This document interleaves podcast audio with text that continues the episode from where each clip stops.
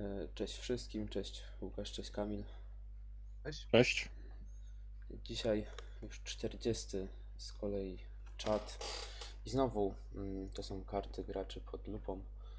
E, I znów to jest Hobbit, tylko tym razem część druga, czyli dodatek na progu, z którego dzisiaj będziemy omawiali wszystkie karty graczy. O wow, wejdę tak szybko słowo tylko. Nie wiedziałem, że to już 40 odcinek.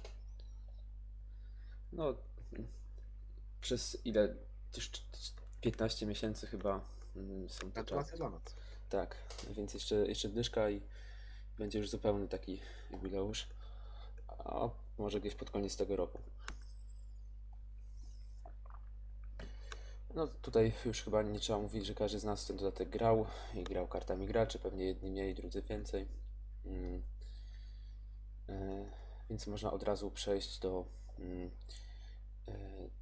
do pierwszego, mm, do pierwszej części, czyli do bohaterów. Mm. I y, bo taki będzie podział znowu, że bohaterowie, sprzymierzeńcy, dodatki wydarzenia i na końcu jeszcze Jasne. e, sfera Bagginsa, bo tam nie ma zbyt dużo do powiedzenia. E, I nie wiem, od, od, od kogo mamy zacząć? E, Który z Was, albo czy ja mam zacząć od wybrania bohatera i omówienia go? Zacząć Macieju.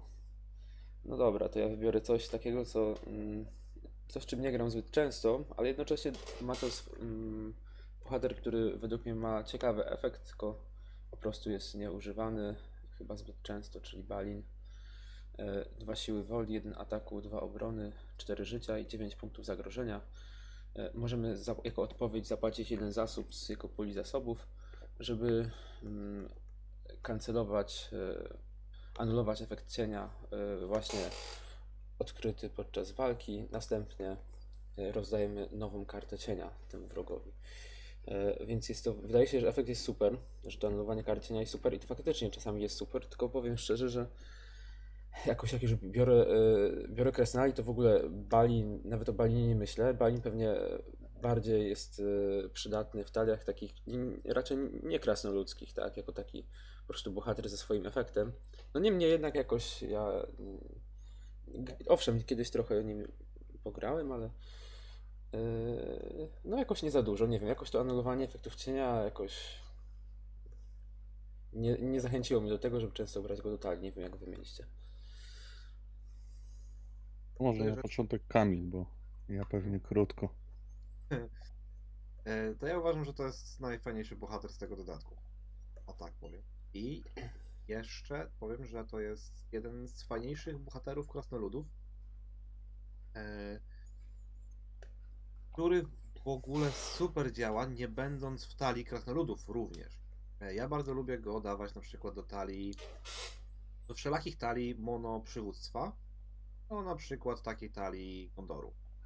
Spełnia tam sobie rolę idealnie, ponieważ e, w talii szczególnie monoprzywództwa nie ma za bardzo sposobności, żeby anulować efekt cienia. No jest jeden tam gdańska, gdański e, sprzymierzeniec, który to może zrobić, ale Balin jest dużo lepszą opcją od niej i kto nas zabija często?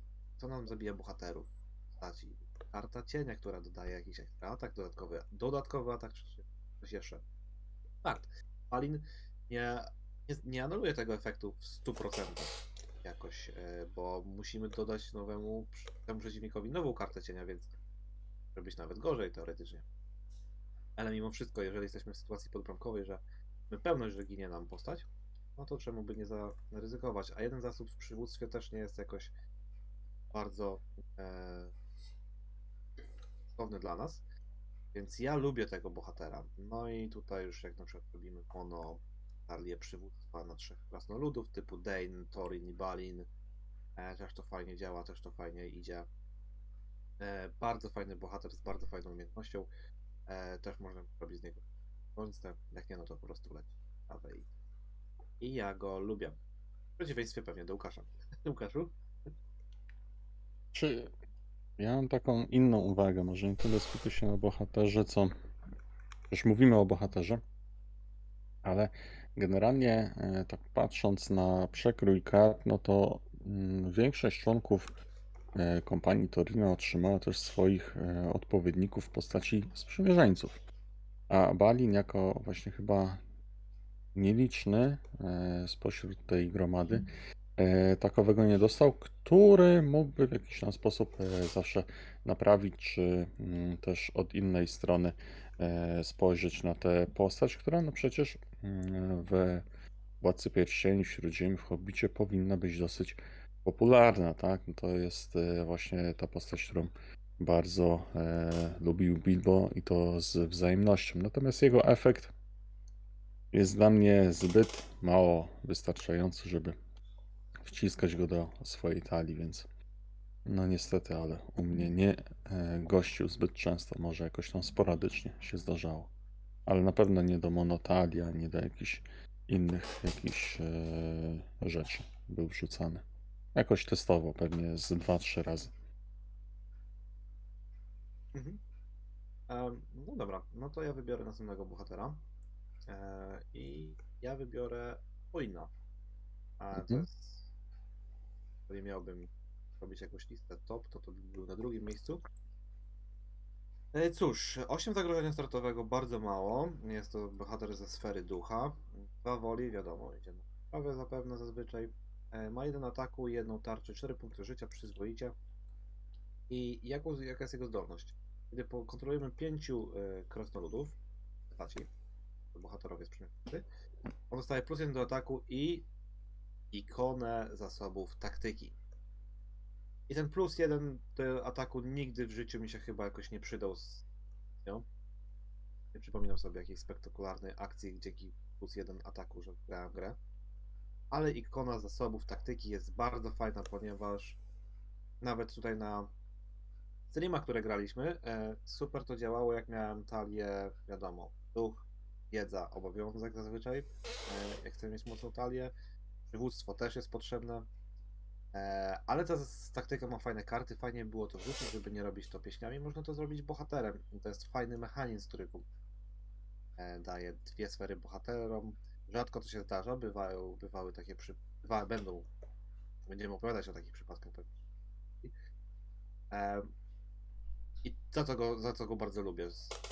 Niestety mam silną konkurencję w postaci jednego krasnoluda z ducha, ale jeżeli gramy więcej osób i większą ilością krasnoludów właśnie wtedy możemy zmusić do tego, żeby coś innego poszukać. I naprawdę dawał, dawał radę i dawał dużo frajdy ten oj. Przyjemnie mi się grało to. E, Spoko. Taki średni, jakbym powiedział. Mm, jestem ciekaw, jakie Łukasz ma zdanie. jako, że Łukasz no nie Łukasz. Łukasz pewnie, Łukasz pewnie nie, nie chcę nawet mówić. Znaczy, mm, kurczę. Inaczej. E, budowanie talii na e, tak zwanym e, Swarm Draw nie jest moim ulubionym typem gry. E, czasami też się dosyć e, przedłuża, żeby cokolwiek e, z tym zrobić. Natomiast pamiętam, że akurat ja tym bohaterem nie grałem, tylko inna osoba bardzo uparła się, że chce grać e, krasnoludami. Mm, No i Oin był e, wtedy kuszący, ale e, zdarzało się tak, że no, ta jego funkcja niestety nie zawsze działała, tak? Albo działała trochę zbyt późno, bo e, no, krasnoludowie mają to do siebie, ci sprzymierzeńcy, że szczególnie w tych e, wcześniejszych e, etapach gry, no, są dosyć e, drodzy, tak? Na dzień dobry, mm, żeby e, mieć jeszcze tych dodatkowych dwóch sprzymierzeńców. Ja wiem, że są różnego rodzaju efekty, ale w pierwszej e, turze, w pierwszej rundzie dosyć rzadko można było zrobić to, żeby już Oin miał ten swój efekt pasywny odpalony. Przynajmniej tak z doświadczenia. Wiem. Mm, No, coś w tym jest. W ogóle wszystkie efekty na pięciu krasnoludów raczej ciężko wyciągnąć w pierwszej turze. e, Że, Czy że, teoretycznie z kontraktem już tym na czterech e, bohaterów byłoby łatwiej, tak? tak. e, Natomiast no faktycznie, tak jak tutaj Kamil powiedział, Oin ma mocną konkurencję w postaci Noriego i chyba to jest główna przyczyna, dla której nie lądował aż tak często w mojej talii, chociaż na pewno częściej niż Balin, właśnie ze względu na te zasoby taktyki, bo e, też tak zauważyłem, że zwykle jeśli gramy e, taką talią typowo krasnoludzką, to, jest to są to trzy kolory, tak? Jest ktoś fioletowy, najczęściej Dane, ale może też Torina. Jest, będzie ktoś e, zielony, czyli najpewniej Bifur bądź e, Ori. E, No i właśnie jest ten jeszcze niebieski, tak? E, e, A dlaczego nie czerwony? Dlatego, że jeśli mamy już na przykład Dana i byśmy chcieli Gimliego i jeszcze tam kogoś na przykład zielonego czy niebieskiego, to już dość dużo zagrożenia jest. Jednak tutaj, e, jeśli gramy fioletowy krasnal, zielony krasnal i niebieski krasnal, to jest, mamy mniej zagrożenia. Dlatego tych czerwonych się aż tak chętnie krasnalów nie bierze do talii typowo krasnoludzkiej. Mm, Dlatego właśnie ten efekt, że on ma, zyskuje ten czerwony symbol zasobów jest jak najbardziej fajny i tutaj ja robiłem z niego użytek. Oczywiście krasnoludy mają też coś takiego jak pas Narwiego, który pozwala zagrywać e, e, karty e, w innych sferach, tak? A chociaż oczywiście pas Narwiego nie jest w Hobbicie, tylko jest w e, o ile się teraz nie pomyliłem. Ym, Natomiast w sumie przy okazji Oina warto wyrazić taki jakiś trochę żal, że mamy dwa dodatki Hobbit i w każdym z nich nie ma ani jednego bohatera krasnoluda czerwonego, tak? No tutaj jest coś, e, no ja rozumiem, że jest Bard, że jest Beorn i oni tutaj do czerwonej sfery e, pasują, e, no, chociaż Bard też równie dobrze mógł być fioletowy. Niemniej jednak, no trochę to jest głupie, szczególnie, że jak się budowało talie te takie krasnoludzkie, to tak naprawdę było do wyboru Gimli. Yy, No szczególnie w grze na solo, tak, bo Talin raczej nie wchodził w grę. Później doszedł ten jakiś tam inny czerwony w cyklu angmarskim, który zupełnie jest już słaby, tak, i dopiero gdzieś tam pod koniec otrzymaliśmy tego czwar czwartego czerwonego krasnoluda. O, ale Doriego to ty szanuj, bo on Nie no, udowodnił, że, no tak. udowodnił, że w szczególnych momentach to e, może być. Ja jako przeciwnik krasnoludów to mówię. Tak, ale jednak no jeśli gramy na solo, to trochę brakuje Tak, tego tak, czerwonego no krasnala. Mówię, Mhm. no już teraz jest ten czerwony Torin, tak, nowy, ale, ale trochę jednak jest to ból, że tutaj twórcy zdecydowali się na taki zabieg właśnie, żeby to Beorn i Bard byli tymi czerwonymi. No, patrząc na efekt Barda, no to nie wyobrażam go sobie w innym kolorze. Ja to tylko jeszcze wspomnę tak mechanicznie z tego doświadczenia, e, że e, jak się mieć pięciu krasnoludów w pierwszej turze, to trzeba mieć naprawdę dobrą rękę startową, ale e, co ważniejsze, jeżeli w drugiej turze nie udaje nam się e, tak konsekwentnie uzyskiwać pięciu krasnoludów, czyli dwóch sprzymierzeńców zagrać w drugiej fazie planowania, to znaczy, że musimy coś przemyśleć nad talią, bo żeby to dobrze działało, to w drugiej turze już musimy mieć pięć. A nie opcji. Chciałem dodać. Ale w pierwszej e, to musi być dobra ręka. Szczęście. No wiem. Hm, Ja wiem, że wiesz, ale do widzów mówię. Mhm. No to Łukaszowi został teraz e, najlepszy krasnolud do omówienia. Chociaż nie wiem, możesz wybrać jeszcze Nie, kogoś No innego. nie, ja, nie, ja wezmę, ja wezmę, ja wezmę krasnoluda. Ja wezmę krasnoluda, bombura. Tak. E, Bombur, bombur to jest właśnie e, taka postać. No dobra, no nie będę wybiegał z kontraktem, ale dzięki kontraktowi, no to Bombur naprawdę zyskał. I wydaje mi się, że tutaj on mógłby mieć swoją drugą młodość. Mm, I tak jest o tyle lepszy niż e, jego, mm, jego wersja sprzymierzeńca, która nie robi nic. Ma jakiś tam efekt, jakaś tam odpowiedź, jest trzy akcje, już tam nie pamiętam. Jest tak niewykorzystywane. No ale dobra, pewnie będzie kiedyś okazja omówić e, Bombura sprzymierzeńca. E, Natomiast e, jego efekt, że liczymy go jako dwóch, nie dosyć, że jest fajnie fabularnie tutaj nawiązanie, gdzie no wręcz dosłownie, no to jeszcze tutaj pod tym względem mechanicznym, tak, e, no jest to, jest to szybsze odblokowanie tej mechaniki posiadania przynajmniej pięciu krasnoludów. Co na wczesnym etapie gry, tym poziomie, e, na tym poziomie Hobbita, no to jest czasami być albo nie być. To są i zasoby dla Torina, w zależności od tego, jak będziemy budowali talię. Natomiast ja zauważyłem, że o ile jeszcze Mm, Monotalia przywództwa mogłoby być jakoś u krasnoludów, tak pozostałe monotalie raczej ciężko się sprawdzają. Tak, zdecydowanie nie, chyba żebyśmy grali na dwie osoby i ktoś y, miałby mono przywództwa, Tak. ktoś inny mono Mhm. coś innego. No Okej, to tutaj się zgadza, natomiast solo to jest ciężka robota. Tak jak patrzę na y, monoducha krasnoludzkiego, to mm-mm, Nie. mm, nie. To nie, to nie wyjdzie. Y, A jakie jest wasze zdanie na temat Bombura? Mi A, się, Czekaj, Łukasz, jeszcze jako znawca kontraktów, to wyjaśnij proszę, jak Bombur dostaje drugą młodość. E, Jeżeli weźmiemy przedostatni, na razie wypuszczony kontrakt mm, Bonds of e, Friendship, gdzie możemy na starcie mieć czterech bohaterów i oni muszą, każdy musi być e, z różnej sfery, e, no to w tym momencie, na samym początku gry, wybierając Bombura, kontrolujemy od razu pięć krasnoludzkich postaci. A dzień dobry, Okej, dziękuję. proszę. y, no być może faktycznie z tym kontraktem ma on jakieś większe zastosowanie. Ja tutaj bardzo żałuję, bo o ile efekt Bombura no jest jaki jest, ale tak naprawdę on by nie był taki zły, gdyby ten Bombur sam z siebie był lepszy, jak miałby na przykład trzy obrony, a nie dwa. Znaczy, to- wiesz co, podniesienie mu obrony, tak, w- talii krasnoludzkiej to nie jest problem, no. Jakby on tutaj jako... y, Inaczej. Mm, On też jest dobrym targetem przecież pod y, płonącą gałąź.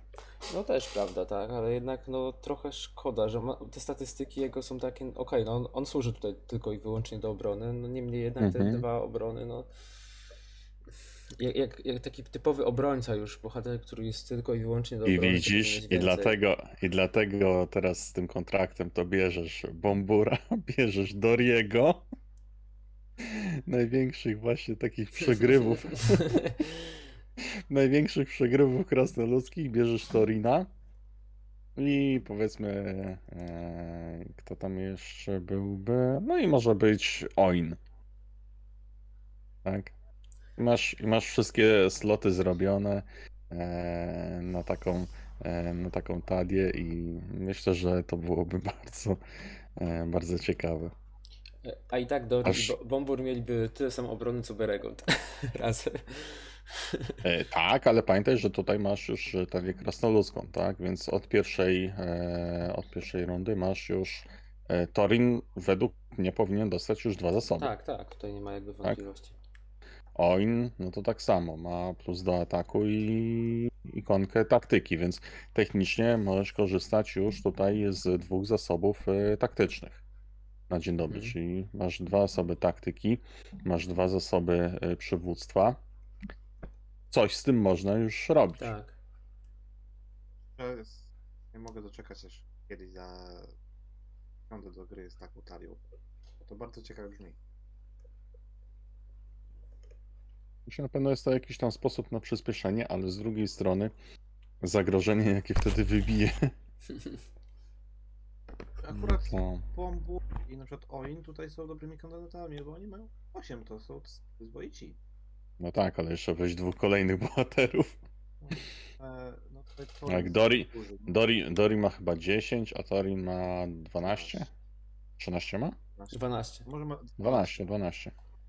No to masz 20, 30, 38. No dzień dobry. E, Jeżeli ja już mam wyrazić swoją tutaj e, opinię, to próbowałem. Wszyscy widzieli, że próbowałem. Nawet próbowałem taktycznie podejść i w odpowiednim momencie wybrać Bombura do gry. Chodzi o to, że myślałem, że skoro ma dużo punktów życia, to może na przykład dużo trucizny przyjść. Mm, Popularnie. I wiecie jak to wyszło, czyli nie wyszło dobrze, więc nie nadaje do niczego.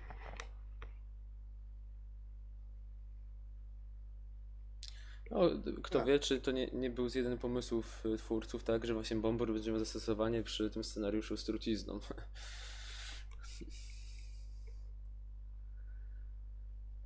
tak, no ale właśnie o to chodzi, że nie wyszło.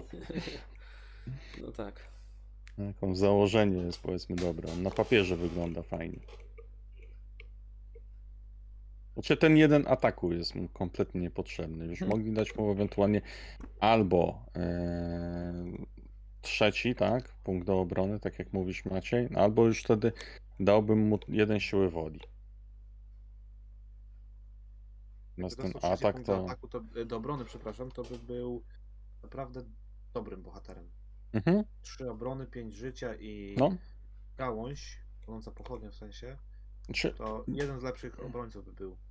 Właśnie mi trochę brakuje takich e, postaci w grze, już tak może abstrahując trochę od e, wszystkiego, gdzie mm, e, daje im się jakiś punkt właśnie czy do ataku, czy do czegokolwiek innego, tak na odczep. Że nie wiadomo po co on właściwie w ogóle jest. Mhm. I dlatego na przykład mm, podoba mi się postać e, bohatera Folka. Mm, tam e, Folko jest e, któryś z tych hobbitów, gdzie on ma e, w statystykach siłę woli i atak. Obrony ma, obronę ma na zero, jako chyba e, jedyny z hobbitów. I to jest dobre, bo on się do niczego innego nie nadaje. No tak, hobbici, którzy mają jeden obronę i dwa punkty życia, no to i tak nie się przed niczym nie Tak. bronią. No, no to są bardzo, bardzo sporadyczne jakieś, e, jakieś rzeczy, e, które mogliby zrobić, no ale po co? Słuszne takie e, dodawanie punktów, żeby tylko były jakieś Żeby zwiększyć startowe zagrożenie. No, jest No po prostu cóż. czas, który, przez który przeszła gra na początku, jak wiecie, Corset pierwszy cykl. Każdy punkt ataku się czasami liczył. Każdy punkt woli się czasami. I bohaterowie spełniali role różne. Ten, który chodził do wyprawy przez całą grę, pod koniec był obrońcą albo atakującym. Zmieniało się, więc te statystyki takie często widzieliśmy 2-2-2, które są ogólnie jednymi z bardziej nielubianych przez graczy, bo większość ludzi woli jednak, żeby był ukierunkowany bohater albo na atak, na wolę. Nieważne. no. co ciężko Berowo, było, berowo, ciężko że... było chyba w, poł- Mhm. w połowie gry tak było zmienić. No. Przykład, nie wiem, Berogond jak wszedł, no to zrobił olbrzymie wow. To było wow. Cztery tarcze, po co w zero woli? Super, nie? Cztery punkty, to co trzeba. Tak, tylko że też y, tam była trochę inna mechaniczna sytuacja, tak? No bo miałeś dwa nowe e, słowa kluczowe do wyprawy. Ale Macieju, No to jeśli już rozmawiamy o takich bohaterach z takimi e, statystykami 2-2-2, to tutaj jest jeszcze taki bohater, który się troszeczkę różni, e, ale też można powiedzieć, że ma takie uniwersalne statystyki. Mówię tutaj oczywiście o Bardzie, e, który ma dwa siły woli, 3 ataku, 2 obrony i 4 życia. E, oczywiście ma łucznictwo i jeśli wykonuje atak e, właśnie e, łuczniczy, tak, mm, no to atak z z dystansu, to Dystans, nie łucznictwo. dystans, no, to wróg traci dwie obrony na czas tego ataku. Mm, I właśnie jeśli chodzi o te takie statystyki uniwersalne, to właśnie bardziej jest takim przykładem, że jednak to ma sens. Chociaż on już się troszkę różni, ma to jednak trzy ataku, ale jednak bardzo często grałem Bardem, to jednak e, on chodził do też do wyprawy, tak, w zależności od potrzeb, a nawet się może obronić z takimi statystykami. I to wcale nie, niewiele gorzej niż Bombur, tak.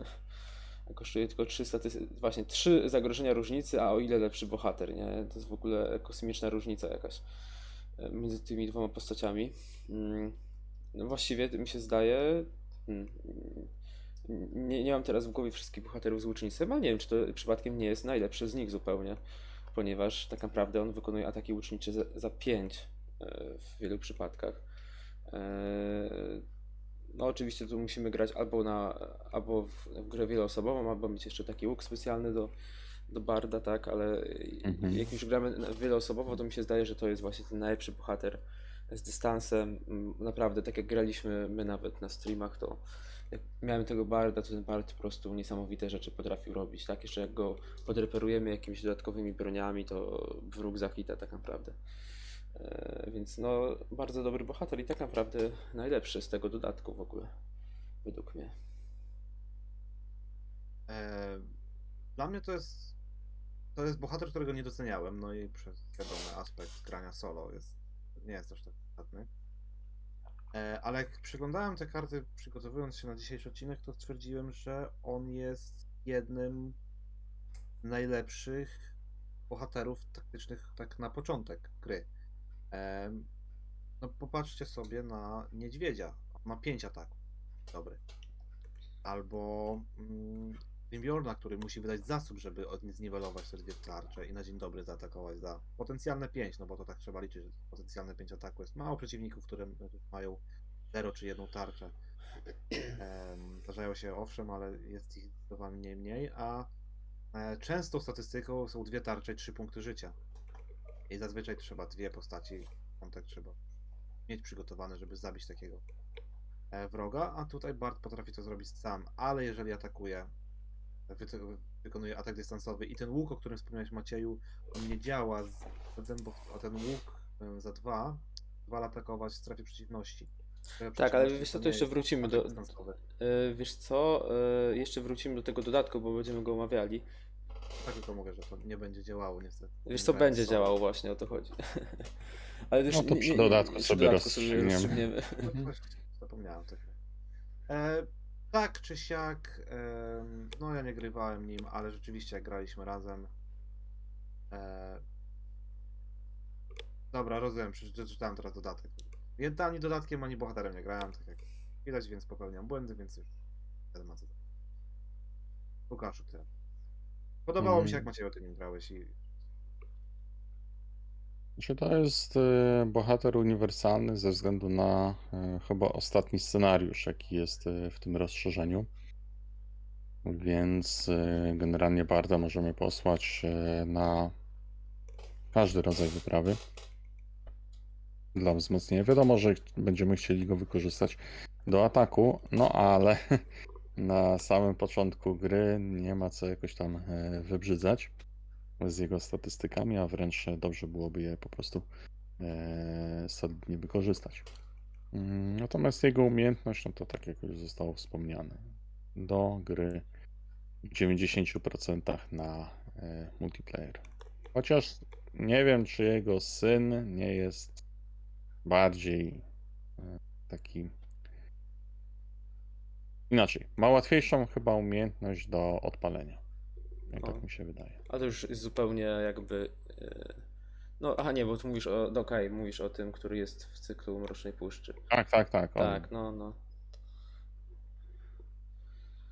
Bo jednak Bane, który e, też tutaj ten atak dystansowy może zastosować, a wręcz powinien, no to e, przygotowanie kolejnej postaci i umożliwienie jej jakiegoś ataku, no to też jest e, ciekawa opcja.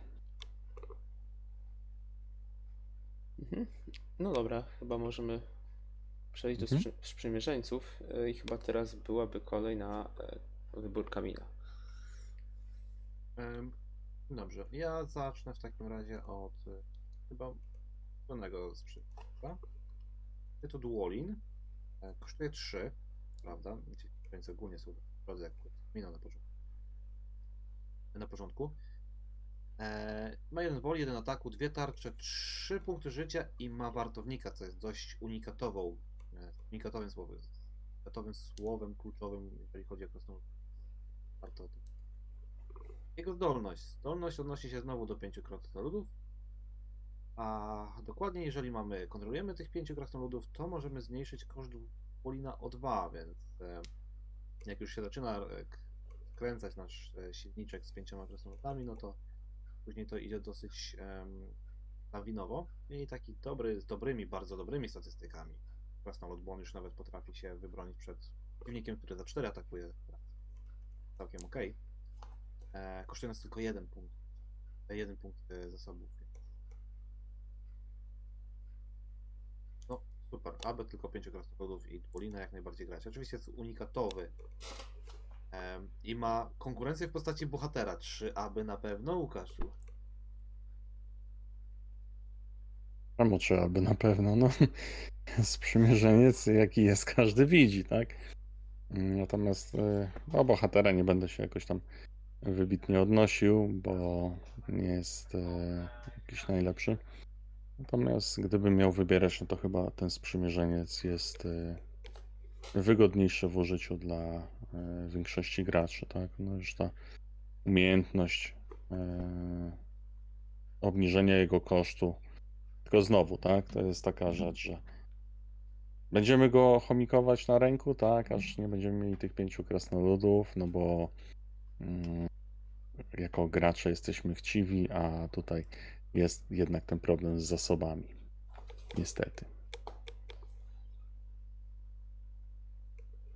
No tutaj Maciej? ja nic nie, nawet nie muszę dodawać, tak, no. mm, e, Zgadzam się z tym, co powiedzieliście i oczywiście jak najbardziej e, lubię tą postać, jeśli gram talią krasnoludzką i mam sferę ducha, to dwa linii zawsze, zawsze trafię.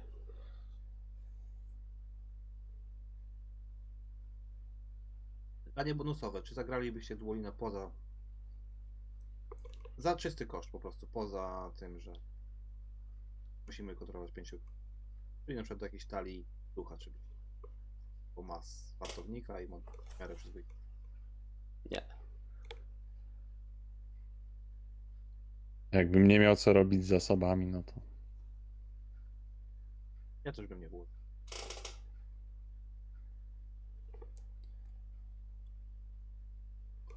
Łukaszu, twój wybór.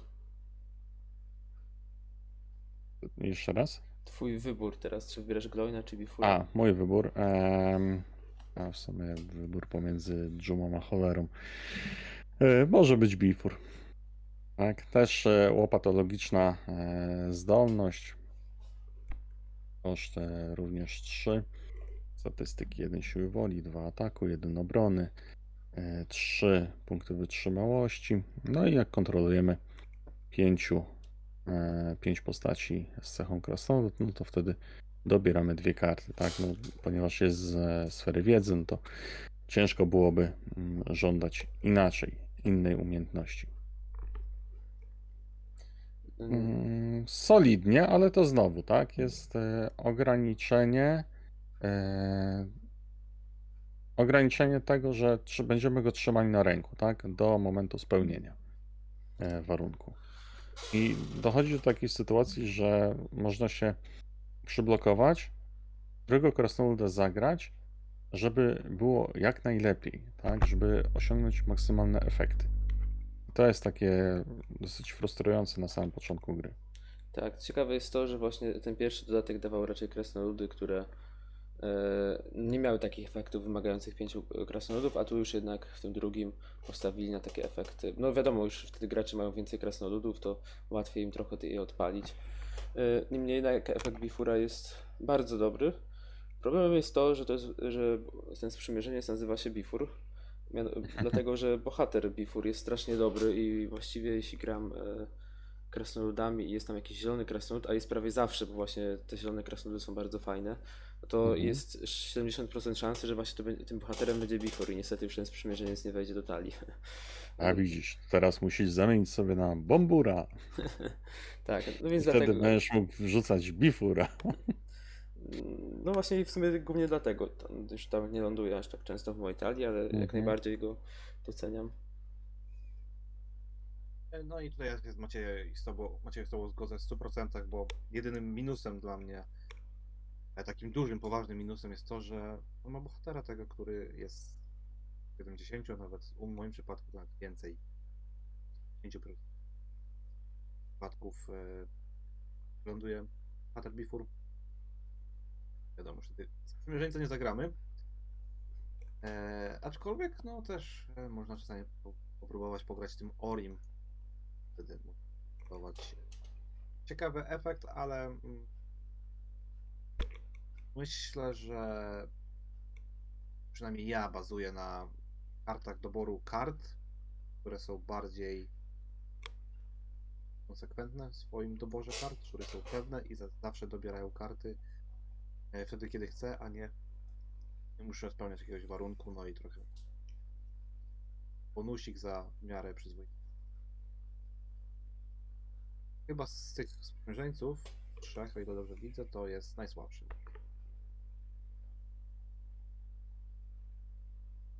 No i e, mi został Gloin i ja w sumie tak jeszcze odwołując się do tego, co Kamil mówił, chyba też się trochę zgodzę, że Bifur jest, może nie najsłabszy, bo nie, żaden z tych sprzymierzeńców nie jest słaby, ale chyba tam Gloin i Dwalin są lepsi, bo jednak mają efekt związany z zasobami. Gloin e, za koszt 3 oczywiście, bo to jest super częsty koszt, jeśli chodzi o krasnoludy. E, dwa siły woli, jeden ataku, jeden obrony, trzy życia. Kiedy mamy 5 krasnoludów i go zagramy, to możemy wybrać bohatera i dodać mu dwa zasoby. I co jest bardzo fajne, i na co od razu zwrócę uwagę, że ten bohater wcale nie musi należeć e, do nas, tak? Że możemy zagrać te dwa zasoby na so, so, sojusznika, na innego bohatera nie należącego do nas. E, Dlatego w na, na więcej osób się naprawdę e, fajnie tym efektem pomaga komuś. No sam no, ciężko tutaj w ogóle w jakiś sposób dyskutować, e, że, czy Glon jest dobry, czy nie. No bo jest dobry po prostu, tak. Oczywiście typowo w taliach krasnoludzkich nie wyobrażam sobie grać e, na z fioletowymi krasnoludami, tak. Oczywiście bez bohatera Gloina i nie włożyć chociaż jednej kopii, a najczęściej dwóch do talii. Mhm. E, Ja tu jeszcze tylko zauważę, że tak naprawdę i Bifur i Gloin startują statystykami e, adekwatnie. Tutaj Gloin 3, wie- 3 woli, a Bifur 3 ataku, no bo jednak w 90% jest ten Dane na stole. I to jednak trzeba uwzględnić, więc to są super, super sprzężeniec w ogóle Gloin. Płacisz 3, masz 3 woli, jeszcze ma 3 punkty życia i jeszcze daje dwa zasoby, więc on jest giga dobry. Em, ciężka tutaj konkurencja dla mnie przynajmniej wyboru między Dublinem a Dolinem, jakby miał wybierać. Obydwaj zawsze ta miał do tej talii. A tutaj jeszcze chciałem wspomnieć w ogóle e, o tej mechanice trzech, e, trzech kosztów. E, nie wiem, czy próbowaliście budować takie talie, że wszystko kosztuje 3, że każdy sprzęt kosztuje 3. Zagadek jakieś coś takiego robiłem. I Oj tak. Spoko. I to jest spoko, powiem wam. Tylko, że tak, jeżeli macie pecha, no to trzy rundy nic nie zagracie. Ale jeżeli wam się uda e, wziąć Mulligana na przykład, albo jakoś macie szczęście, w pierwszym ręku trafi wam się te wydarzenie, które mówi, że jeżeli nie wydaliście w danej rundzie żadnych zasobów, w fazie odświeżania je zagrywacie, to dodajcie po jednym zasobie, więc tak naprawdę w drugiej każdemu jednym zasobie każdemu z bohaterów, więc w drugiej rundzie już macie, każdy bohater ma trzy zasoby na start. Lub grając w tryb łatwy też tak można. I wtedy ta talia jest po prostu giga fajna. Dlatego jakby chciał się ktoś kiedyś pobawić, to mm, polecam. Warto jeszcze w sumie zwrócić uwagę na to, że jak mamy tych trzech sprzymierzeńców, to tak, Bifur ma dwa obro... Oni mają prawie identyczne statystyki, z tym, że każdy ma Mhm. dw- dwójkę w innym miejscu. Bifur ma dwa ataku, Gloin ma dwa siły woli, dwa i dwa obrony, więc tak ciekawie zrobili tutaj. I jeszcze w sumie jest to, że każdy z nich ma efekt związany z liczbą 2, tak? No to w sumie tak, tak po raz pierwszy to zauważyłem w sumie, że to jest aż taka zbieżność liczb 2 i liczb 3 w sumie też. Tak, tylko że sposób. Dwolin jedyny nie dostaje bonusu od Dana. Dostaje jakby siłę woli i atak, tak?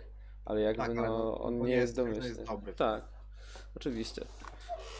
No już to była przesada, jakby Gdain dawał plus jeden do obrony. O nie, ha.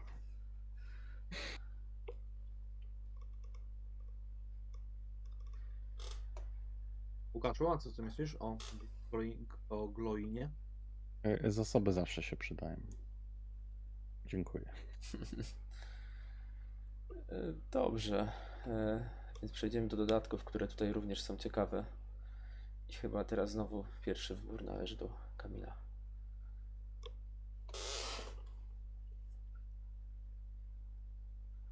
Kamil?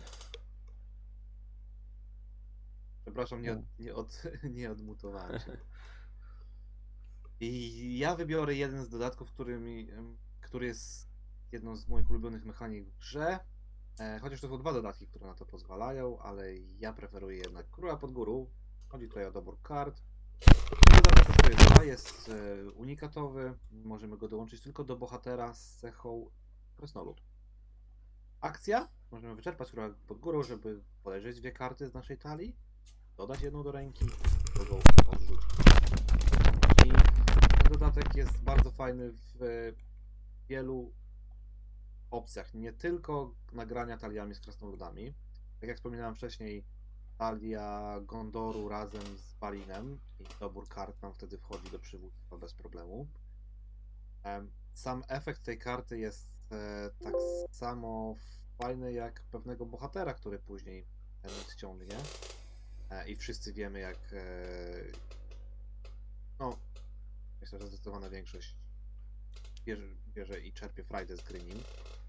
E, Szybciej przechodzimy przez talię, dochodzimy do pewnych kart, więc to jest bardzo fajne. E, Ważne jest to, że tak efekt tej karty pozwala nam dodać kartę do ręki, a nie dobrać. E, Czyli na przykład, jak macie ostatnio miałeś przygody w cyklu Twórcy Pierścienia i tam karali cię za dobieranie kart, to król pod górą by cię za to nie karał. No karał, bo cię to tylko za ilość kart w ręku, wiadomo. Ale to nie byłoby, nie liczyłoby się jako dobranie, więc to też jest taki smaczek tej karty. Ale no jak mam przywództwo, no to zazwyczaj trafia się ta karta, szczególnie w talii, w której się kopie i te karty, żeby dostawać bonusy. Fajne, bo tutaj e, to też się również odpala przy użyciu karty, bo karta jest odrzucona z E, Bardzo fajny dodatek i zdecydowanie najlepszy ulubiony z pudełka jak dla mnie.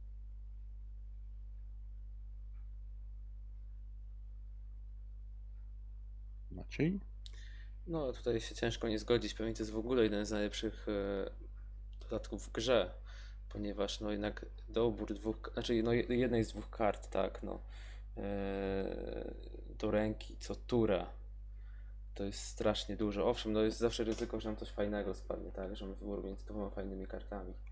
E, to jest może jedyny minus tej karty, ale to strasznie zachęca do tego, żeby wsadzać sobie jakiegoś jednego krasnoluda do talii, o ile nie gramy typowo na jakąś frakcję, tak?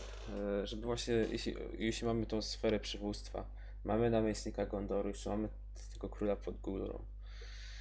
No, zasoby, karty, niczego nam nie brakuje.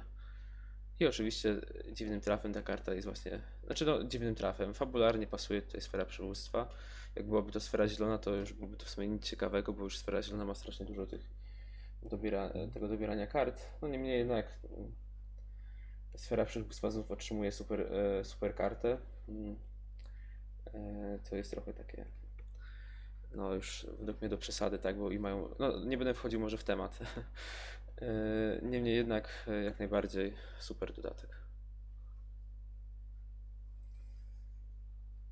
Łukaszu. Spoko. Ja się cieszę, że ta karta powstała dla krasnoludów, że krzaty mają możliwość kopania talii, że uruchamiają się te wszystkie piękne mechaniki z odrzucaniem kart z wierzchu talii. Nawet nie trzeba podglądać jakoś tam e, wybitnie przy użyciu innych e, przy użyciu innych kart gracza. Więc jak ktoś kogoś jarają e, krasnoludowie, to może się tym swobodnie bawić. Nie zachęciła cię ta karta do tego, żeby grać krasnoludami? Nie wiem, jaka karta musiałaby mnie zachęcić, żeby grać krasnoludami. Bo taka inaczej. Gdyby, gdyby była karta. Nie wiem, jak to tematycznie można byłoby podciągnąć, no ale dobra. Gdyby była karta, tak jak mamy przyjaciel elfów, tak? Albo mamy, że z innych frakcji, tak? Mhm. E, z innych ras, można było podciągnąć kogoś pod krasnoluda. Mhm. Może. Może wtedy byłaby, byłaby jakaś taka frajda, że można byłoby to sobie jakoś tutaj e, ogarnąć pod tym kątem. A tak. Wręcz odwrotnie, co ja zrobiłem, bo ja zrobiłem z krasnoludów elfy. Szczególnie No ale mamy, no ale mamy taką, no ale mamy taką możliwość, tak? Natomiast w drugą stronę to nie działa. Tak samo jak nie możemy hobbitów zrobić. No ale to inna rzecz. Chyba bo po prostu- być tylko więksi, a nie mniejsi. Może nie wszyscy Gondorczycy by się zgodzili. No dobra, to ja mam teraz wybierać kartę. Mhm, tak. a Ja pójdę po e, linii najmniejszego oporu i wybiorę sobie czarną strzałę, którą uwielbiam dodawać do Gandalfa, bohatera. A czarna strzała to jest taki e, ciekawy artefakt o koszcie 0 z taktyki. E, Mamy tylko jedną na talię, więc już to świadczy o jakiejś jej unikatowości. Mm, I e, możemy ją dołączyć, przepraszam, do postaci z cechą dystans. E, przepraszam, swoją kluczową dystans. I ma taką odpowiedź, że jak deklarujemy e, jako atakującą tę postać, no to wtedy umieszczamy czarną strzałę w puli zwycięstwa i nasza postać podczas tego ataku dostaje plus 5 do swojej siły ataku, co jest bardzo mocną i fajną rzeczą. Do innych atakujących tak e, klasycznie to rzadko wrzucałem. Natomiast też mnie zawsze zastanawiało, czy jeżeli każde z graczy miałoby czarną strzałę w swojej talii, to czy można mieć w puli zwycięstwa więcej kart o tym samym tytule? E, chyba można, bo nic tego nie zakazuje. Nie można mieć No dwóch w grze jednocześnie, ale pula zwycięstwa jest poza grą. No, Tak, no, ja, to no ja to wiem, tylko taka właśnie, e, taka właśnie refleksja zawsze nachodzi mnie przy okazji tej karty. Tak jakbyś w talii miał unikatowe post- e, karty. Mhm, mhm.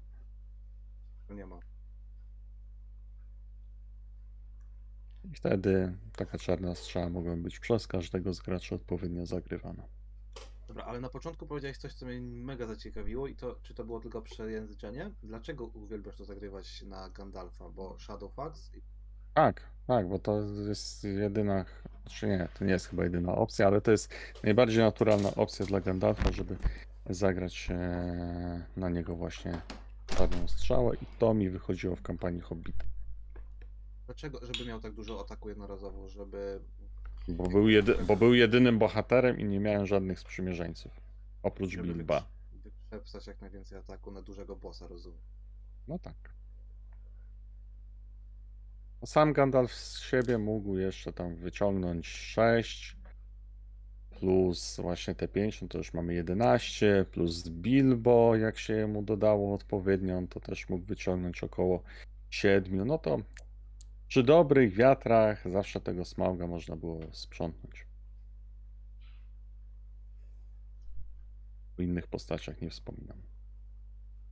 No właśnie szkoda, że jest tak mało takich kart jak Czarna Strzała, które mają jakiś super efekt, są jednorazowe. Mhm, mhm. E, tego żałuję, bo to jest jednak fantastyka, to powinny być jakieś super e, super mm, super itemy, o super e, jakieś przedmioty, tak, o jakichś takich zdolnościach niesamowitych, tak, jednorazowych. E, niestety mamy Czarną Strzałę i tam bodajże jeszcze jest jakichś takich e, no parę rzeczy w jakiś sposób tam może podobnych, chociaż chyba nic nie jest tak dobre.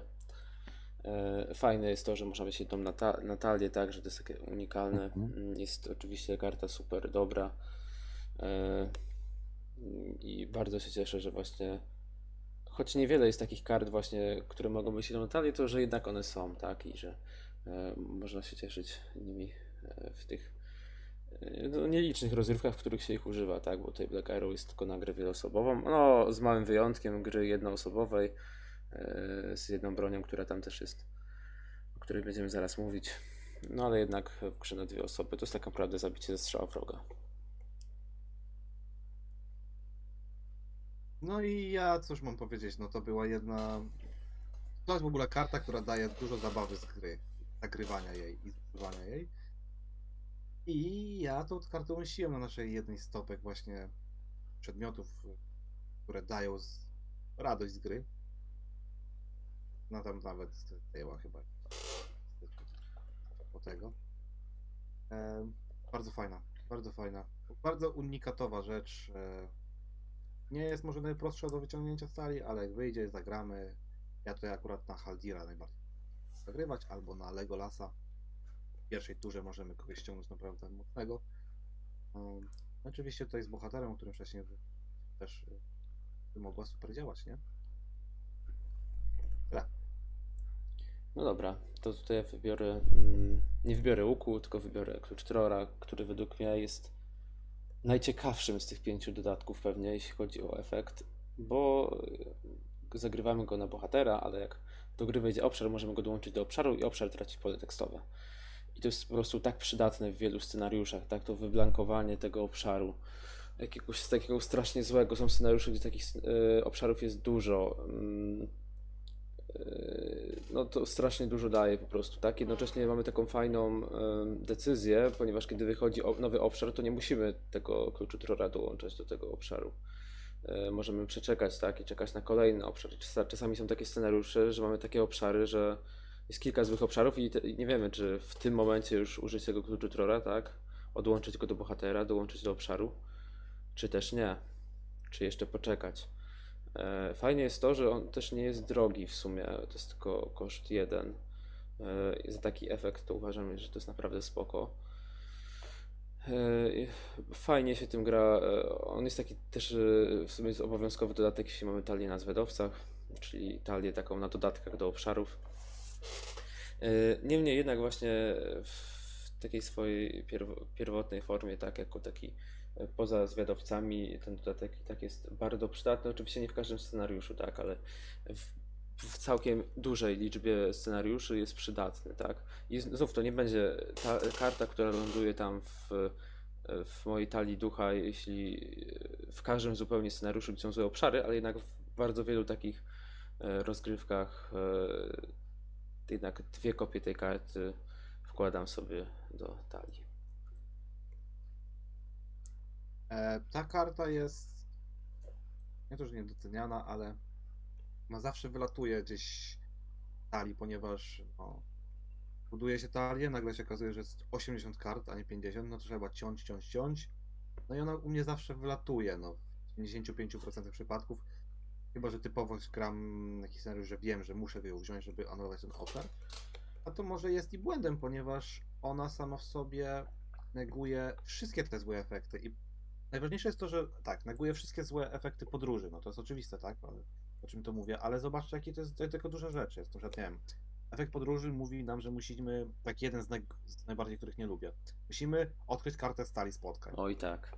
Więc taki klucz Tora w tym momencie jest lepszy nawet, albo porównywalny niż test woli, powiedzmy, tak? Bo anuluje nam tą kartę całkowicie.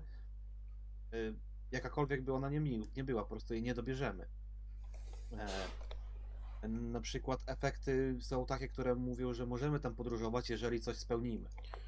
E, nie wiem, na przykład wejść z wrogiem zwarcie. Pierwszy gracz musi. Może nie chcemy, żeby wejść z wrogiem zwarcie, a może nie ma wroga i nie możemy w ogóle wtedy podróżować na taki obszar. Więc to, to również to e, anuluje, więc bardzo dobra karta. To jest bardzo, naprawdę bardzo dobra karta. E, Nie ma jakichś dużych wymogów też, e, a rzadko trafia na stół. Jest no, nie, nie, zroz, nie zagrywana tak często, jakbym chciał, myślę. Ale koniec końców, no jednak nie oszukujmy się, obszary to są najprostsze karty w skali spotkań, zazwyczaj w większości nie. E, Może i dlatego wtedy też ta karta jest jako pierwsza wyciągnięta. Co ty myślisz kurczę? Hmm.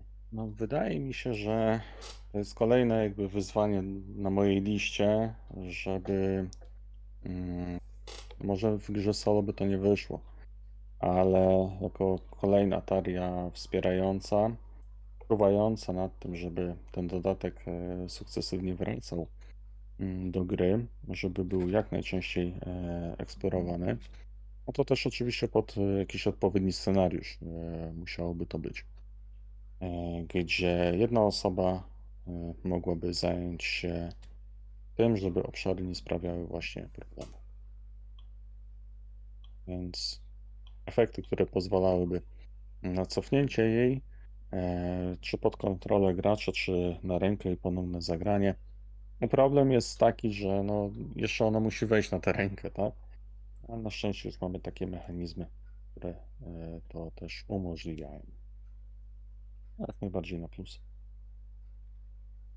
Okej, ja również nie będę brał e, wyżej wymienionego łuku, tylko przejdę do kolejnej karty, która dobiera karty. I to jest Expert Treasure Hunter.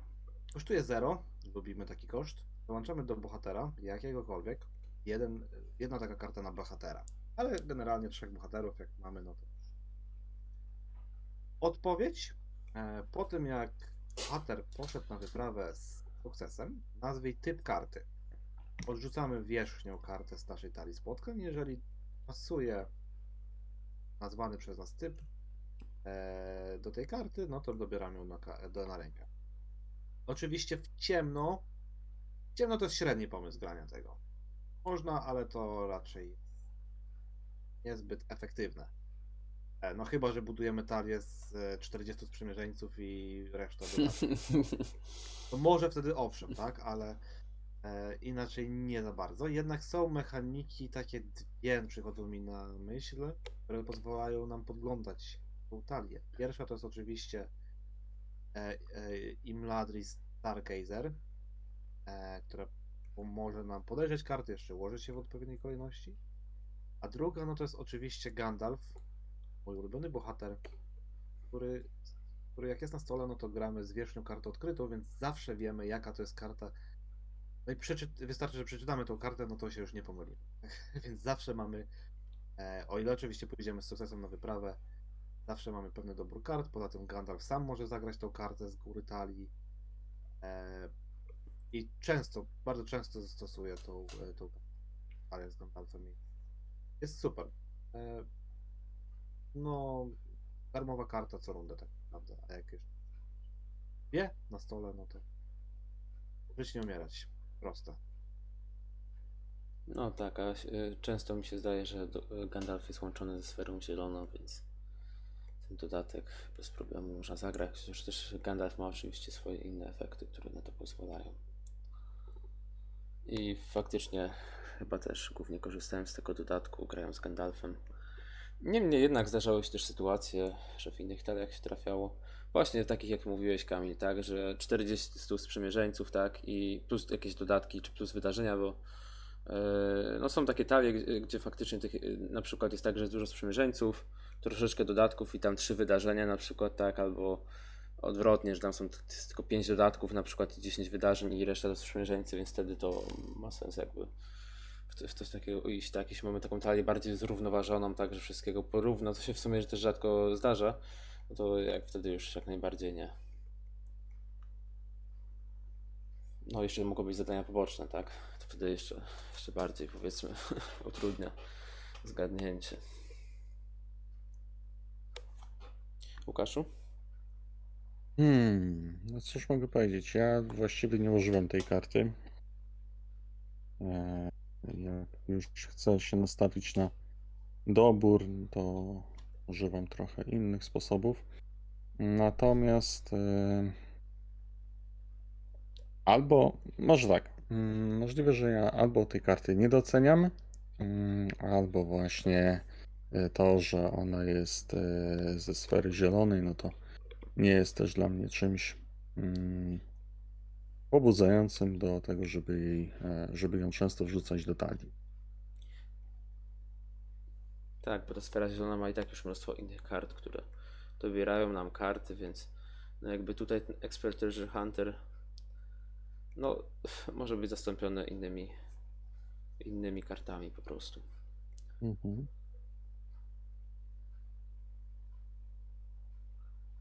No to No dobra, mhm. to został e, wielki, ojejku, jaka tam była? Cisowy łuk tak, to był? tak. O właśnie. No i tutaj e, jest to broń o koszcie 2. Dosyć sporą. Dołączamy do bohatera z wydrukowaną, e, z wydrukowanym słowem kluczowym e, dystans. No, oczywiście, ponieważ jest to broń, no to ma też e, ograniczenia. I ma następującą mm, akcję walki. Wybierz wroga w strefie przeciwności. Wyczerp wielki mm,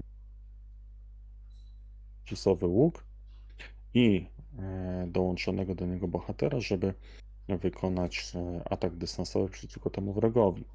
Mm, Zadeklaruj e, tego bohatera jako atakującego i nikt nie może do tego do ataku dołączyć. No i teraz tak. Problemem we wczesnych grach było to, że bardzo niewielu wrogów było w tej strefie przeciwności. To są pojedyncze przypadki. Eee, koszt tego łuku jest odrobinkę według mnie zbyt duży. Gdyby kosztował jeden, to byłoby ok, bo nie mamy tutaj mm, takiej możliwości, znaczy nie mam możliwości. Y, On oprócz tego, że możemy zaatakować wroga w strefie przeciwności, to nie oferuje żadnych bonusów e, tworzących e, bonus do ataku, do siły ataku. Mhm, No i to jest chyba główny problem. Jakby to było jeszcze plus do ataku, to by to Mhm. wiele zmieniało, ze względu na to, że po prostu, Mhm. tak jak mu- na wczesnym etapie gry, albo na takim nawet średnim, niewielu bohaterów jest samotnie w stanie sensownie zranić wroga, tak? Jeśli nie mamy tutaj jakichś jeszcze Znaczy, innych broni masz- czy sygnałów Dudendainów, Mhm. to niestety co z tego, że walniemy go za jeden, tak? No sorry, no to jest nic, tak? No to jest e, w sumie o ile nie gramy tym właśnie bardem, który jeszcze obniża to o, o dwa obrony, no to tak naprawdę nawet nie ma sensu tego. Chyba w prawie jakimkolwiek przypadku. No chyba, że już mówię, mamy pełną pulę kart, tam jest trochę więcej rzeczy podnoszących atak, no to wtedy Wiesz, tak. Maciej, no to to też jest inna sytuacja, tak? No to grasz albo na mniejszą ilość bohaterów, albo w ogóle tutaj można wtedy kombinować. Mm, No niestety, no jednak Haldir chyba naprawił to, co, e, to, co tutaj z tym łukiem się nie udało. Mm, No on jest za drogi. Gdyby jeszcze kosztował jeden, to może to byłaby gra warta świeczki, ale też nie mamy żadnego bohatera e, z e, dystansem, który ma więcej niż 3 punkty ataku. Co też jest takie dziwne. Kamil? Bo skoro mamy obrońców z czterema punktami obrony, to dlaczego nie można byłoby zrobić jakiegoś e, uwarunkowania, nawet niech to będzie jego umiejętność, czy to pasywna, czy na zasadzie jakiejś aktywacji, gdzie ten atak e, byłby zwiększony no już o te przysłowiowe 1. No niestety, niestety nie ma właśnie tych bohaterów z, z dystansem e, z 4 ataku. No i trochę to boli, no ale. I Ale zauważ, ale zauważ, że właściwie no, bohaterów z powyżej 4, e, 3 ataku, no to masz chyba dwóch. z Grimbeorn, nie, co ja gadam, Beorn i ten e, Gwaihir, tak?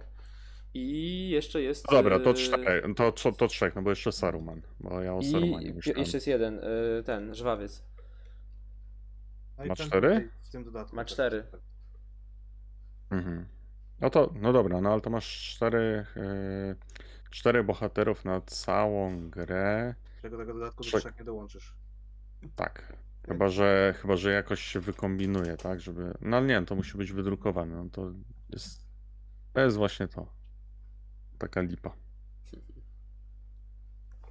Ja, żeby nie przedłużając, powiem, że sam, e, sama, samo to, że nawet nie wiedziałem, co na tej karcie jest napisane, świadczy o tym, jak często się do niej podnoszę, więc będę, często po nią sięgam, nie będę tutaj nic mówił.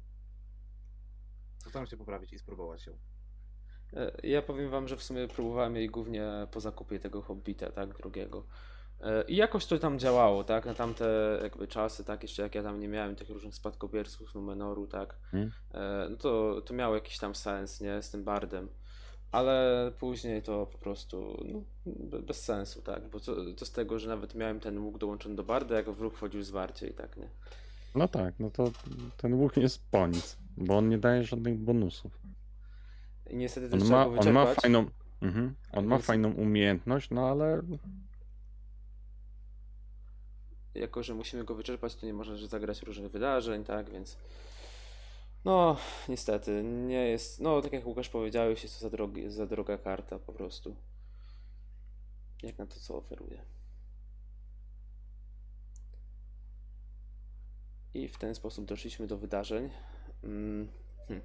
Teraz wybór należy do mnie i powiem szczerze, że tutaj, a dobra, wybiorę to zielone, mm, Ravens of the Mountain za jeden e, akcja wyczerp bohatera, którego kontrolujesz, żeby potasować talię spotkań i podejrzeć wierzchnią kartę. E, w zależności od tego, ile ta karta ma siły zagrożenia, tyle żetonów postępu kładziemy na obecnej wyprawie. Mm, I oczywiście wracamy tą kartę podejrzaną z powrotem na wierzch talii spotkań. No i to jest y, taka karta, która wiem, że przez niektórych graczy była wykorzystywana do szybkiego przechodzenia niektórych scenariuszy, niektórych etapów, takich jakichś krótkich bardzo, y, bo tu można, jak się dobrze zagra, sporo tych punktów y, zagrożenia, y, punktów, co ja gadam, punktów y, y, żetonów postępu wycisnąć, tak? E, więc e, ma ona swoje zastosowanie, tak? Bo jednak no możemy, no kilka tak naprawdę żetonów tylko za wyczerpanie bohatera. E, oczywiście nie możemy trafić na podstęp i z tym może być już gorzej, ale jak są scenariusze, gdzie tych podstępów nie masz tak dużo, e, to wydawałoby się, że ta karta będzie miała sens, ale powiem wam szczerze, że ja grałem bardzo rzadko, bardzo rzadko i, i w sumie do końca nie wiem dlaczego, e, bo wydaje się ta karta sensowna, ale chyba to wyczerpanie bohatera i takie no jednak strasznie losowe mm, granie, tak? Bo może być jeden żeton, mogą być dwa żetony. Zwykle myślę właśnie, że to te dwa, trzy żetony, tak? W wielu scenariuszach, pewnie trzy bardziej. Eee, no ale jednak jest to ryzyko, bo, tak, bo nie wiem na co trafimy, a bo wyczerpany bohater to już niestety nam do, do niczego się później nie przyda. Eee, I też jest mm, taka prawda, że moglibyśmy równie dobrze tego bohatera do wyprawy posłać, tak? No oczywiście tutaj jest jeszcze kwestia taka, że można tego wydarzenia zagrać po wyprawie już w ogóle w innej fazie. Eee, I sobie można dokończyć wyprawę w ten sposób. Więc według mnie karta ma zastosowanie niby duże, ale powiem szczerze, że ja po prostu jakoś z korzystaniem z niej miałem problem. Eee, Żeby zrobić użytek, zwykle z niej po prostu nie korzystałem. Nie wiem, jakie wy macie zdanie. Ja sobie właśnie pomyślałem, że za dwa zasoby, no i oczywiście wyczerpanie dwóch bohaterów, można 20 żetonów postępu położyć na karcie wyprawy, jeżeli się gra w koszmarną Anduinę. Ale do tego musimy wiedzieć, że ten obszar leży na górze, który ma 10 punktów zagrożenia. E, Zagrać tą kartę, a później jeszcze zagrać z Tomem na przykład, ją ze stosu karty rzucone, którą kopię. Ale to jest e, praktycznie nierealne. Dużo, dużo by się było trzeba starać, żeby coś takiego osiągnąć. Mimo, że to tak fajnie brzmi, tyle, że tą postępu, uważam, że ta karta jest bardzo słaba. Nie wiem, czy w ogóle zagrana kiedykolwiek przeze mnie. Widzę ją zagrywającego siebie tylko w możliwości takiej, że brakuje nam dwóch żetonów postępu, żeby wygrać grę. Wtedy miałaby jakąś szansę, ale jak buduję talię, to nie zakładam, że taki scenariusz się potoczy. Takie scenariusze bywają bardzo często, nie mówię, że nie. Ale jednak budując talię zakładam, że będzie inaczej to działać. Karta mm, dobrze się nadaje jako podkładka pod inne karty. Tyle.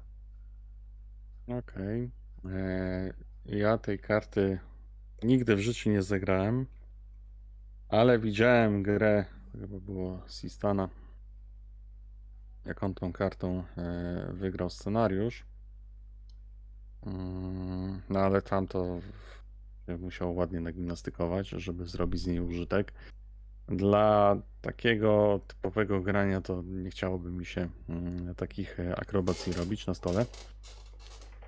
Mm, Czy chciałbym ją kiedyś mieć w talii? Raczej nie. O, jest. jest ona jest zbyt. Mm,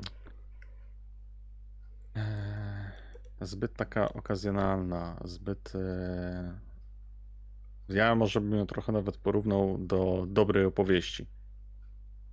Że jest, e, Jest. za, za, dużo, za dużo warunków, żeby ona spełniła swoje, swoją rolę w pełni. Jak można jedną z najlepszych kart podróżować do jednej z najgorszych? Łukaszu. Normalnie, no, Nazwać krasnoluda i elfa braćmi. no, zdarzało się.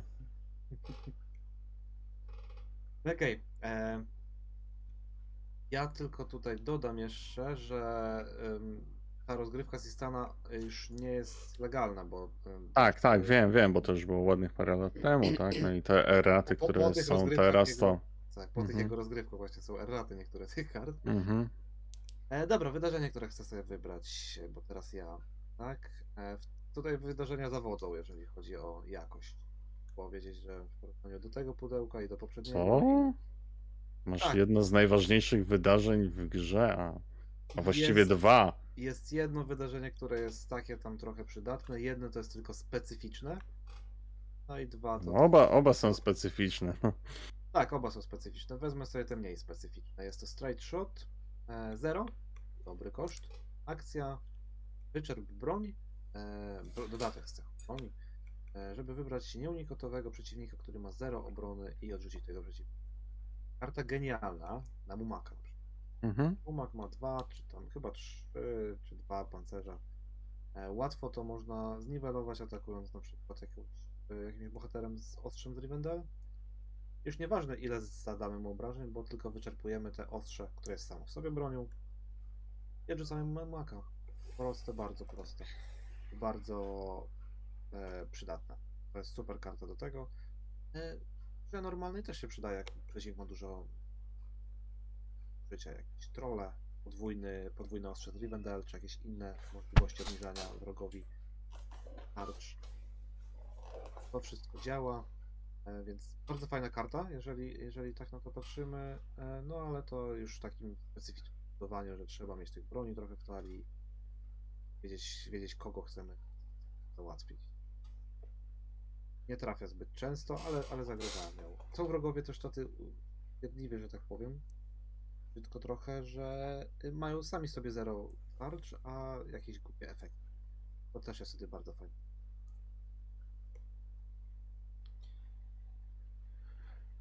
Kontrakt trzech łowców. e, Tutaj tę kartę bardzo dobrze potrafi wykorzystać, gdzie mamy same e, praktycznie bronie i kilka wydarzeń, które nam pomagają w wygraniu gry. Mm, Natomiast no, sposób działania został już tak szeroko opisany, można byłoby jeszcze wymieniać inne efekty obniżające e, siłę obrony wroga, tak? No, chociażby Aragorn z taktyki, e, czy też e, kwestie związane z Grimbeornem starym. No i jeszcze pewnie kilka efektów, żeby się znalazło. No, to wszystko to, co potrafi obniżyć mm, właśnie tę siłę e, obrony przeciwnika, wroga, no to jest jak najbardziej mile widziane przy, e, przy tym wydarzeniu. Maciej? Mm, No, przykład Bard the Bowman. tak. No no tak, no ale był jest- wspominany. Tak, e, karta do Barda i nie tylko, bo też do Aragorna Czerwonego i właśnie takie specyficzne sytuacje z łumakami, tak, z jakimiś takimi wrogami, których można, tak silnymi wrogami, z którymi ciężko, których ciężko się pozbyć w inny sposób, ale faktycznie potrzebujemy tego obniżania obrony, bo jest strasznie mało tych wrogów zero obrony, więc no tutaj, mm, no właśnie, Bard, Aragorn, jeszcze tam Ostrza z Rivendell i tak jeśli chodzi o inne sposoby, to łatwo nie jest już z obniżaniem obrony, czy Grimbeorn. I i są jakieś jeszcze karty wydarzeń, tak? No ale nie jest łatwo. No to niemniej jednak karta jest dobra, chociaż uważam, że y, z tego poprzedniego dodatku, ta, która zadaje dwa obrażenia lub trzy obrażenia, jeśli to jest ork, to jest y, na pewno dla mnie fajniejsza. I tyle.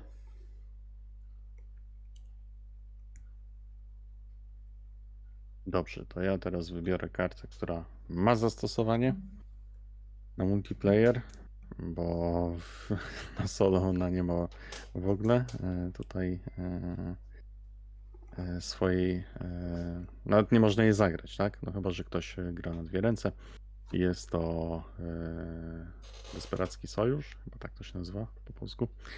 Akcja, wybierz bohatera, którego kontrolujesz i do końca mm, tej fazy przejmij kontrolę, przekaż kontrolę, przepraszam, e, nad tym bohaterem i wszystkie jego zasoby mm, innemu graczowi, tak? I tutaj jest limit raz na fazę.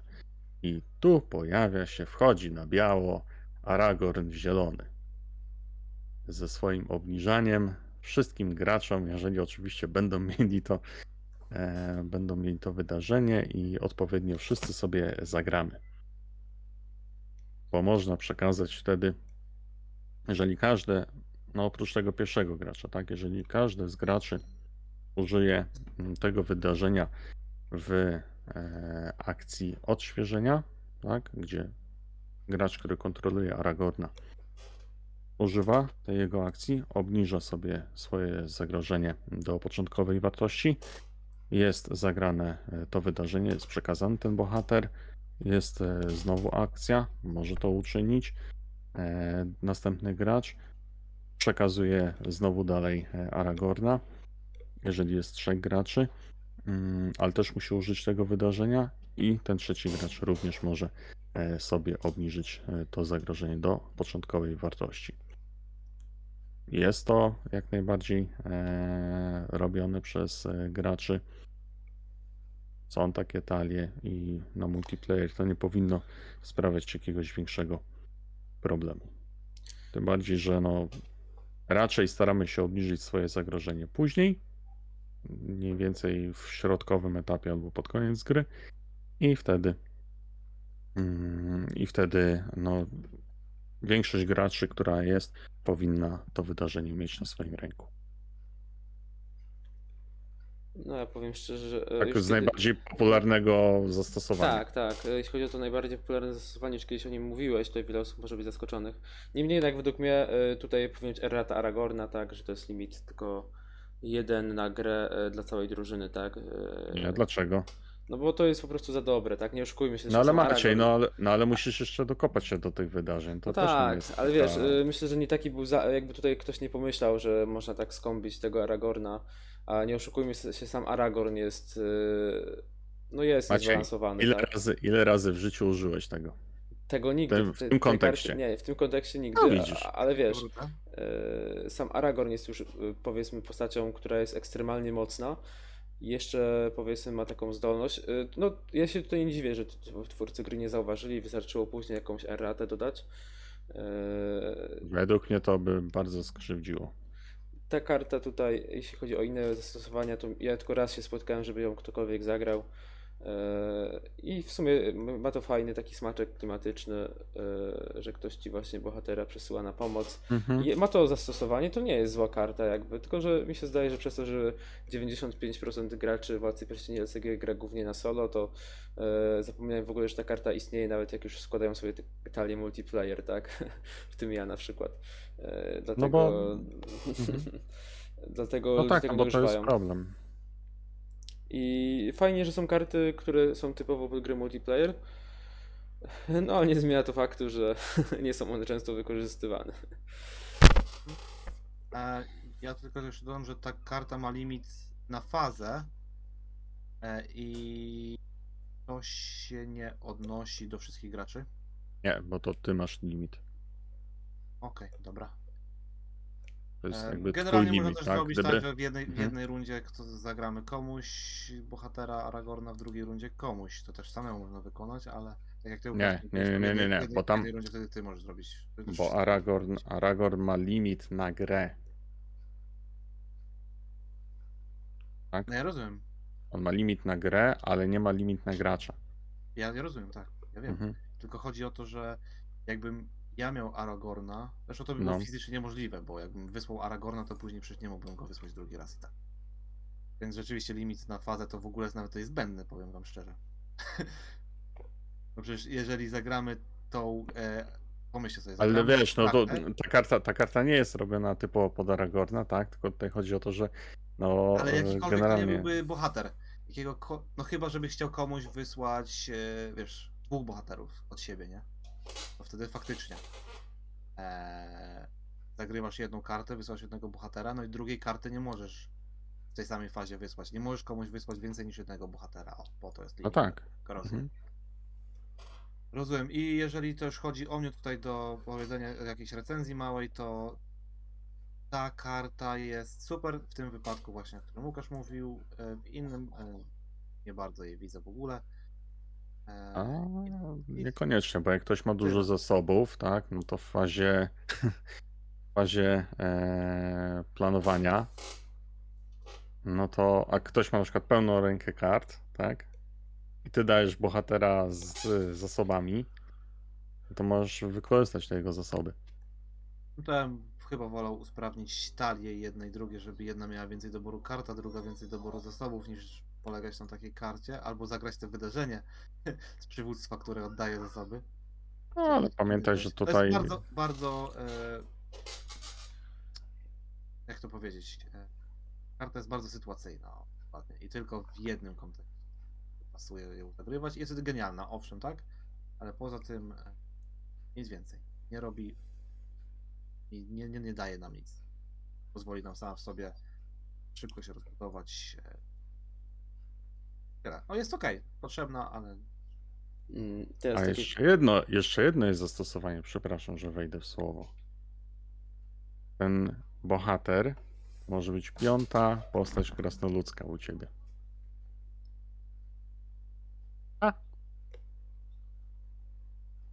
No tak. No tak, chyba tutaj to ciężko było wpaść nawet na takie zastosowanie. Nie, nie pomyślałby o, o czymś takim. Yy, Ja natomiast miałem powiedzieć, że zastanawia mnie, co będzie, jeśli wyś, yy, wyślę komuś bohatera za pomocą tej karty.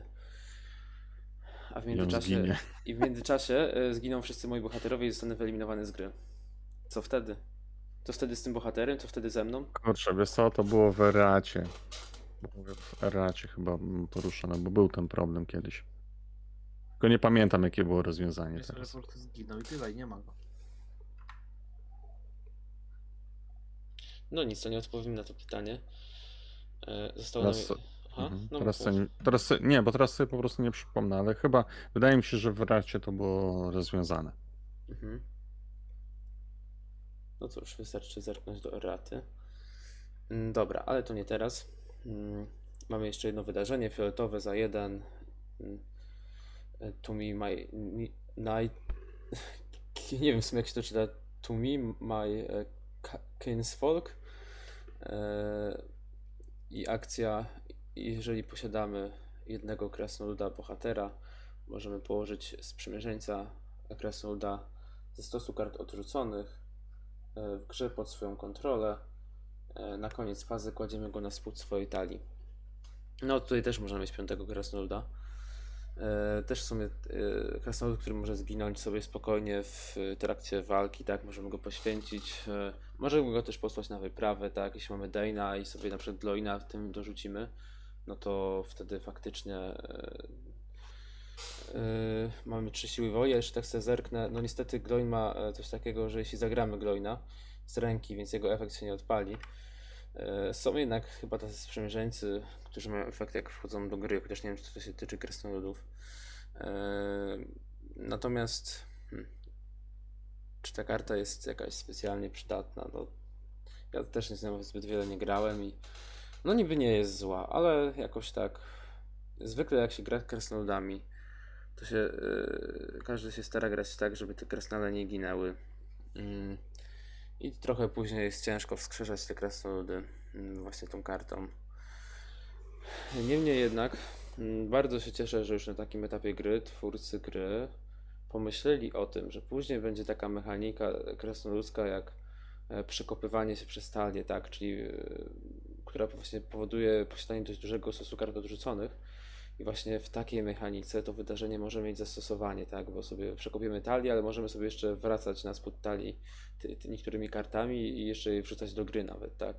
Więc fajnie, że na, już na takim dawnym etapie twórcy gry tam pomyśleli, a może przypadkowo po prostu zrobili coś takiego, a może to był jakiś rodzący się archetyp już.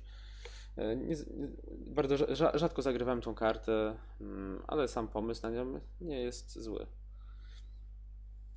Ja powiem tak, że ja tą kartę akurat próbowałem, bo ona na papierze naprawdę fajnie wygląda. Jednak w praktyce się okazało, że jest dużo więcej innych, lepszych kart i nie warto je wkładać do talii. Jeżeli...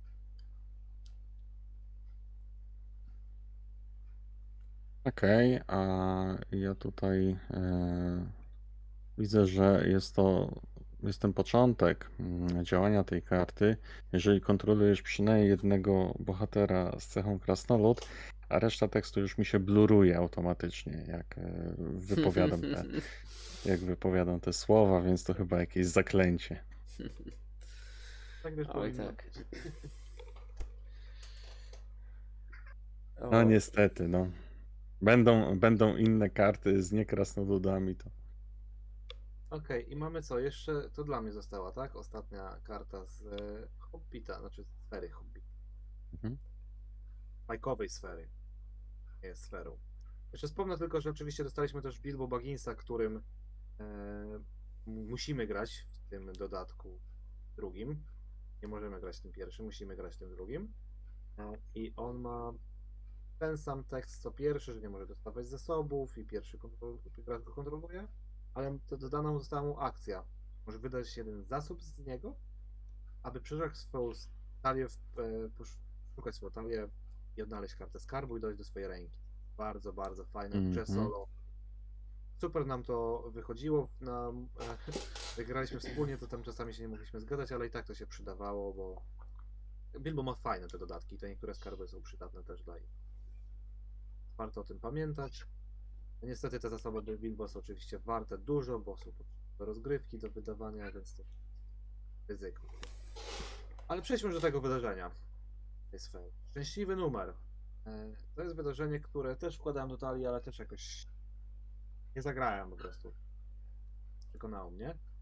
E, Kosztuje jeden i jest to akcja wybierz postać w grze, inną niż Bilbo Baggins. E, Dodaj pole, atak lub obronę tej, do tej postaci e, woli ataku lub obrony do końca fazy. No to jest, jeżeli wyposażymy Bilba w jego artefakty, no to rzeczywiście on może mieć tam e, parę siły woli, parę obrony nawet. E, Jak mu dorzucimy jakieś gadżety. Ja nigdy nie budowałem takiej talii silnego Bilba, żeby on wszystko robił, bronił, atakował i chodził na wyprawy, więc nie wiem, czy to jest dobra rzecz. Wydaje mi się, że nie. Ja sam nie zagrywałem. Wiem, że była taka niekończąca się pętla, może tutaj jako ciekawostkę co podam, że można było zagrać tą kartę, e, używając jeszcze do tego postaci e, Galadrieli i jej pierścienia. Tak mówi, że możemy wyczerpać Galadrielę i jej pierścień, żeby dodać jej wolę do e, woli kogoś innego. E, I kiedyś były takie zasady, że tak jak w talii spotkań jest, że e, przeliczacie na bieżąco. Jeżeli się zmieniają jakieś statystyki wroga, e, jakieś zagrożenie obszaru, no to na bieżąco to wszystko ustalacie. W talii gracza tak nie jest już właśnie przez tą kartę, ponieważ jak dodamy komuś plus jeden do ataku, no to on go ma później i już nie sprawdzamy, czy tak efekt się daje. Na przykład jak ktoś miał, nie, musi być bohaterem ze sfery zielonej, żeby dołączyć mu dodatek. Jeżeli mu dodamy taki dodatek, który zrobi z niego bohatera ze sfery zielonej, e, dodamy mu ten dodatek i później straci ten pierwszy dodatek, to mimo wszystko ten dodatek zachowuje, który był tylko obowiązkowy do bohatera ze sfery zielonej, a mimo że nie jest. Dlaczego? Właśnie przez to, ponieważ zagrywając tą kartę, Bilbo mógł dodawać wolę Galadrieli, później Galadriela mogła mu dodawać wolę, więc razem wymieniali się non-stop tą wolą i to by było nieskończoność, tak? Więc mogli mieć Mhm. nieskończoność siły woli. E, I to tyle, jeżeli chodzi o ciekawe rzeczy o tą kartę, bo nic więcej nie ma dla mnie tutaj ekscytującego przy E, Co nie zmienia faktu, że nadal Galadriel może zagrać na Bilba i użyć tej karty i na kogoś innego tam jeszcze wrzucić, tak? Mm, Tak, tylko że to nie będzie nieskończona ilość. Nie, nie. Wiesz, Galadriel też by trzeba było odtapowywać chyba, tak? Nie, nie, bo to wtedy się przeliczało na bieżąco, czyli Mhm. tak, zagrywasz tą kartę i dodajesz powiedzmy dwa woli do Galadrieli. Gdy Mhm. wyczerpujesz Galadrielę i ona dodaje wtedy swoje sześć woli do Bilba. Aha, Ale dobra. wtedy, ale wtedy przeliczasz, że te sześć woli Bilba teraz dodajesz Aha. do tych sześciu Galadrieli i to się robi taka pętla, Tak, tak. No tak. Dlatego to- zmienili zasady. Mhm. E, Ja w ogóle, no, powiedziałeś jakieś zastosowanie tej karty, tak, że jak e, Bilbo tam ma jakieś dodatki. E, Fajnie jest w sumie to, że to jest jeden z mniejszych chyba kart, która dodaje totalną siłę woli, e, atak i obronę, a nie wydrukowaną, tak, to jest fajna rzecz, ale nie oszukujmy się, ten, to wydarzenie jest nieprzydatne, ja może raz je miałem w talii, może raz zagrałem, tak, i nie widzę żadnego zastosowania. e, Znaczy niby, tak jak mówiłeś, jest jakieś, ale sytuacyjne bardzo. e, Lepiej jest dać już to wydarzenie, które daje plus 2, plus 2, plus 2 Bilbowi, tak. E, Ono tak naprawdę w prawie każdej sytuacji może mieć jakieś zastosowanie i dlatego u mnie ten lucky number w ogóle. mm, No nie no może nie w ogóle, bo tak jak mówiłem, kiedyś miałem go w talii i pewnie raz zagrałem i nie mam ochoty i nie będę tego już nigdy więcej wkładał, tak. Po prostu ta karta jest nieprzydatna. Znaczy, ja już kiedyś mówiłem, że używałem z wielką pasją tych kart bilbowych e, w połączeniu właśnie z tymi poprzednimi, e, z tą poprzednią e, wersją, jak tam wielokrotnie zagrywasz właśnie to wcześniejsze wydarzenie, Mhm, tak, to o może którym Maciej wspominał, no to wtedy, no Tak. to wtedy można to sobie można to sobie jakoś ogarnąć, tak? No oczywiście, jeżeli Bilbo ma zasoby, tak? Z tymi zasobami to jest różnie, ale przy odpowiednim przeczekaniu i kontrolowaniu tego, co jest na stole, no to jest to do zrobienia, a też mm, tasowywanie wtedy e, bardzo małej ilości kart, no bo mm, wówczas zostawały mi tylko wydarzenia, z powrotem do swojej, e, do swojej talii i e, zagrywanie na nowo ich, tak, no bo jeszcze z jakimś tam dodatkowym dociągiem, no powodowało, że e, dosyć ciekawe efekty można było osiągać.